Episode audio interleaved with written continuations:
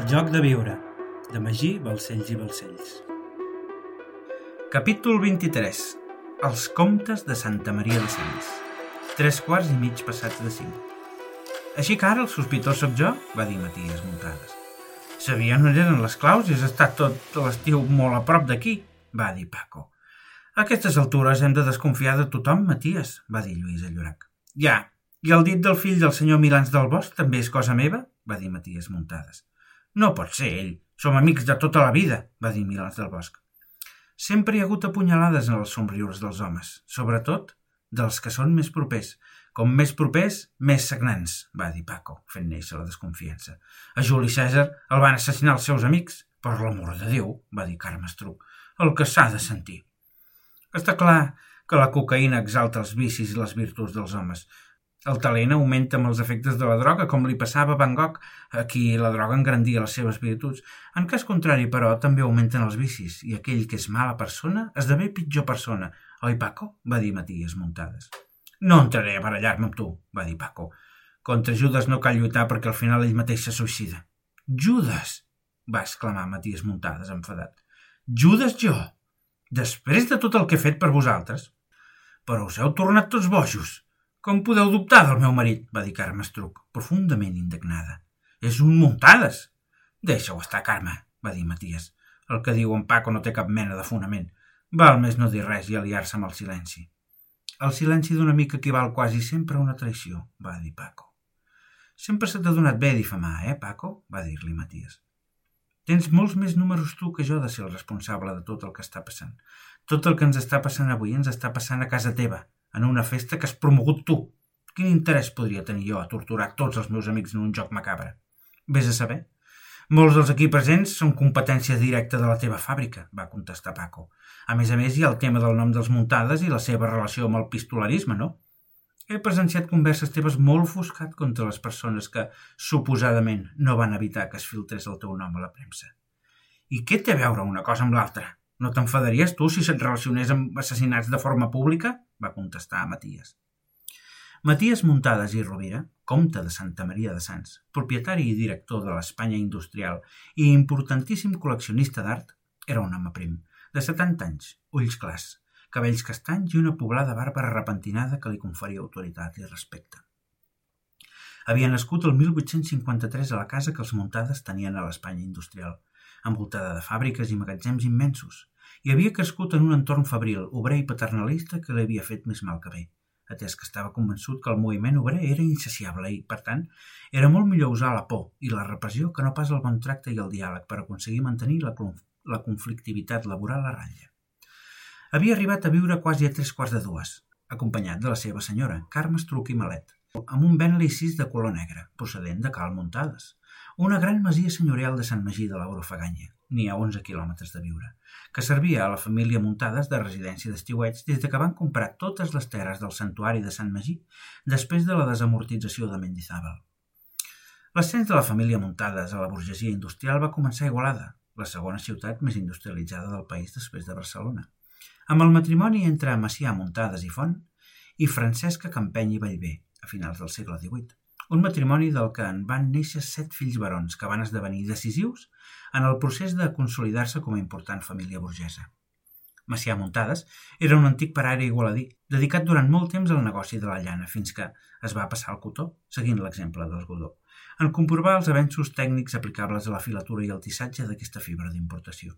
Així, a principis del 1812, Macià Muntades va obrir un taller a Barcelona, al número 9 del carrer de la Patacada, un barri de Barcelona plagat de descampats, camps d'indianes i petites manufactures a mig camí entre tallers i fàbriques, i va procurar que els seus fills, a mesura que volaven del niu, s'establissin pel seu propi compte amb negocis propis que els van permetre estendre i diversificar la producció de draps, amb l'objectiu que, un cop tots els negocis consolidats, s'unissin tots sota el paraigua familiar. Els germans havien fundat tallers propis a Igualada, Barcelona i Reus, i un dels germans havia destacat en la seva participació en la Comissió de Fàbriques, l'organisme representatiu dels industrials catalans, de la qual va ser un dels comissionats pel ram de filats el 1836. A partir d'aquí, amb negocis consolidats, van fundar la societat Muntades Hermanos, que integrava totes les activitats industrials de la família, amb un capital de 145.939 lliures catalanes. A partir d'aquí, Muntades Hermanos es va modernitzar amb una filatura mecànica, moguda per una màquina de vapor de 20 cavalls de força, i una nova fàbrica al carrer de la Riereta, que els va permetre aprofundir en els gèneres blancs de cotó i percalines, cotís i estovalles. L'expansió de l'empresa els va enriquir i uns anys més tard els va permetre construir dues fàbriques tèxtils de cotó a Sabadell i esdevenir promotors de la Caixa d'Estalvis i Montpietat de Barcelona, amb càrrec a la Junta de Govern, així com accionistes del Banc de Barcelona promogut per Manuel Girona. Finalment, els actius industrials de Muntades Hermanos es van convertir al 1847 en la base de l'Espanya industrial, una societat amb un capital social de 50 milions de rau de billó, que va esdevenir la primera societat anònima creada a l'Estat per la producció tèxtil de cotó, la fibra reina de la revolució industrial.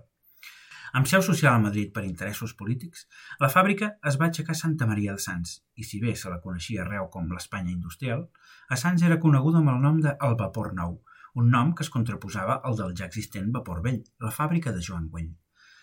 La fàbrica de Sants es va inaugurar el dia 1 de gener de 1849 i constava d'un edifici central amb tres cossos que contenien 20.596 pues per la filatura de cotó, 500 telers mecànics moguts per dues màquines de vapor de 75 cavalls de força cadascuna i 1.500 obrers que constituïen la fàbrica tèxtil més important de Catalunya i de l'Estat.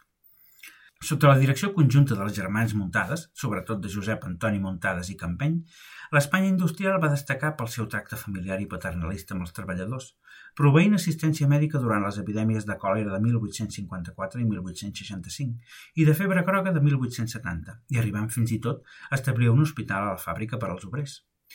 Malgrat que els set germans dirigien la fàbrica, va ser el petit, Josep Antoni Muntades i Campeny, qui es va convertir en l'ànima de l'empresa, i qui va portar el timó dels negocis familiars completament entregat fins a la seva mort.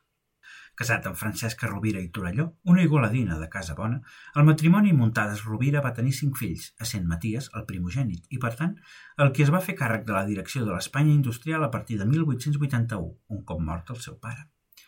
Matías Muntades i Rovira havia estudiat enginyeria química a la Universitat Alemanya de Wiesbaden i era una persona preparada que coneixia millor que ningú quines eren les necessitats de l'Espanya industrial, atès que havia nascut i crescut entre les parets de la fàbrica. Matías Muntades i Rovira havia casat el 10 d'octubre de 1879 amb Carme Estruc i Malet, filla d'un industrial tèxtil mataroní, Josep Oriol Estruc i Anglada, i fruit del matrimoni havien tingut una única filla, Maria del Carme Muntades i Estruc, promesa amb Josep Maria Albert i Despujol, fill d'una important família d'industrials molt relacionada amb el rei Alfons XIII. En l'esfera pública, al cap de poc temps d'entrar en l'actiu com a gerent de la seva fàbrica, Matías Muntades va esdevenir vocal de la Junta d'Aranzels i Valoracions i com a membre del Partit Liberal va ser tinent d'alcalde de l'Ajuntament de Barcelona durant el mandat de Rius i Taulet i va participar en els preparatius de l'Exposició Universal de 1888, que va premiar amb la medalla d'or a l'Espanya industrial per la qualitat i varietat de la seva producció. L'obra renovadora de Matías Muntades sobre l'Espanya industrial va quedar palesa el 1889, quan va obtenir el Gran Premi de l'Exposició de París, un fet que va motivar que posteriorment el rei Alfons XIII visités la fàbrica en dues ocasions i que nomenés a Matías Muntades comte de Santa Maria de Sants. Sota la seva direcció, l'Espanya industrial va impulsar la secció d'estampats i l'elaboració de noves teles i cuir artificial, l'ampliació de capital de l'empresa, així com una profunda renovació de maquinària i, sobretot, un canvi respecte al tracte amb els treballadors. Durant els seus inicis, l'Espanya industrial dels Muntades s'havia inspirat en un model de relacions laborals similar al de les colònies tèxtils de les conques fluvials catalanes, és a dir, les formes paternalistes en el tracte. Però Maties, conscient que tots els canvis que pretenia dur a terme a la fàbrica deixarien a molts obrers al carrer, va creure que era millor mantenir més distància amb els obrers i no exercir un tracte tan paternalista, ja que podria ser contraproduent. El paternalisme es va trencar definitivament quan el 1914 es va reconvertir la fàbrica del vapor a l'electricitat, un canvi que va deixar molts obrers al carrer i que va comportar un conflicte laboral que aniria creixent amb el temps fins que, el 1916, desembocaria en una vaga de treballadors contra el que els obrers anomenaven les quatre hienes de Sants, en referència a l'Espanya industrial i a les fàbriques Batlló, Vendrell i Trinxet. Per contrarrestar els efectes de la vaga, Matías Muntades va contractar tres contramestres que els obrers van qualificar d'esquirols i que van ser tirotejats, agreujant el conflicte i convencent a Matías que s'havia de practicar una política de mà dura contra els obrers.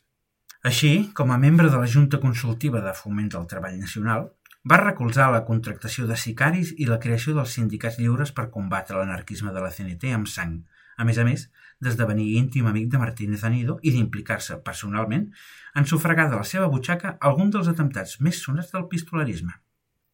Us dic que en Matías no pot ser, va dir Milans del Bosc. Perquè tu ho diguis, va dir Lluís de Llorac. Jo no posaria la mà al foc, Joaquín, va dir Paco. Som amics, va dir Milans del Bosc. Precisament, les venjances més cruentes són les dels amics. La traïció d'un amic és sempre premeditada, va dir Paco. I per què s'hauria de venjar? va dir Carme Estruc, enfadada. Perquè el nom del teu marit s'ha filtrat més d'una vegada a la premsa, relacionat amb algun tiroteig del sindicat lliure, va dir Paco. Ja? I què? va preguntar a Matías.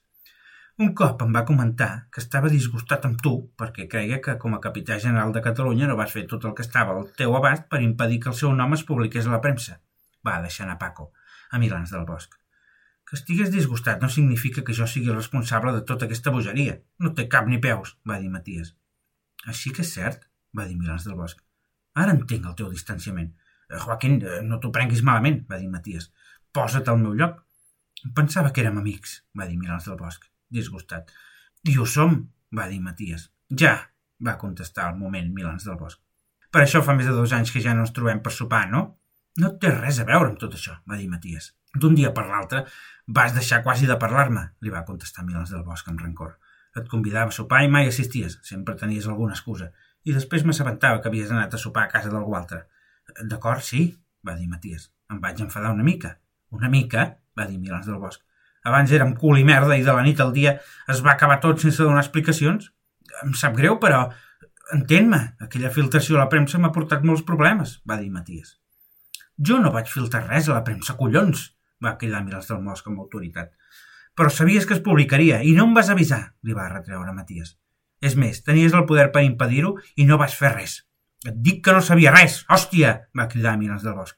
Ho dubto, va dir Matías. Sempre has tingut enveja del meu marit, va dir Carme Estruc.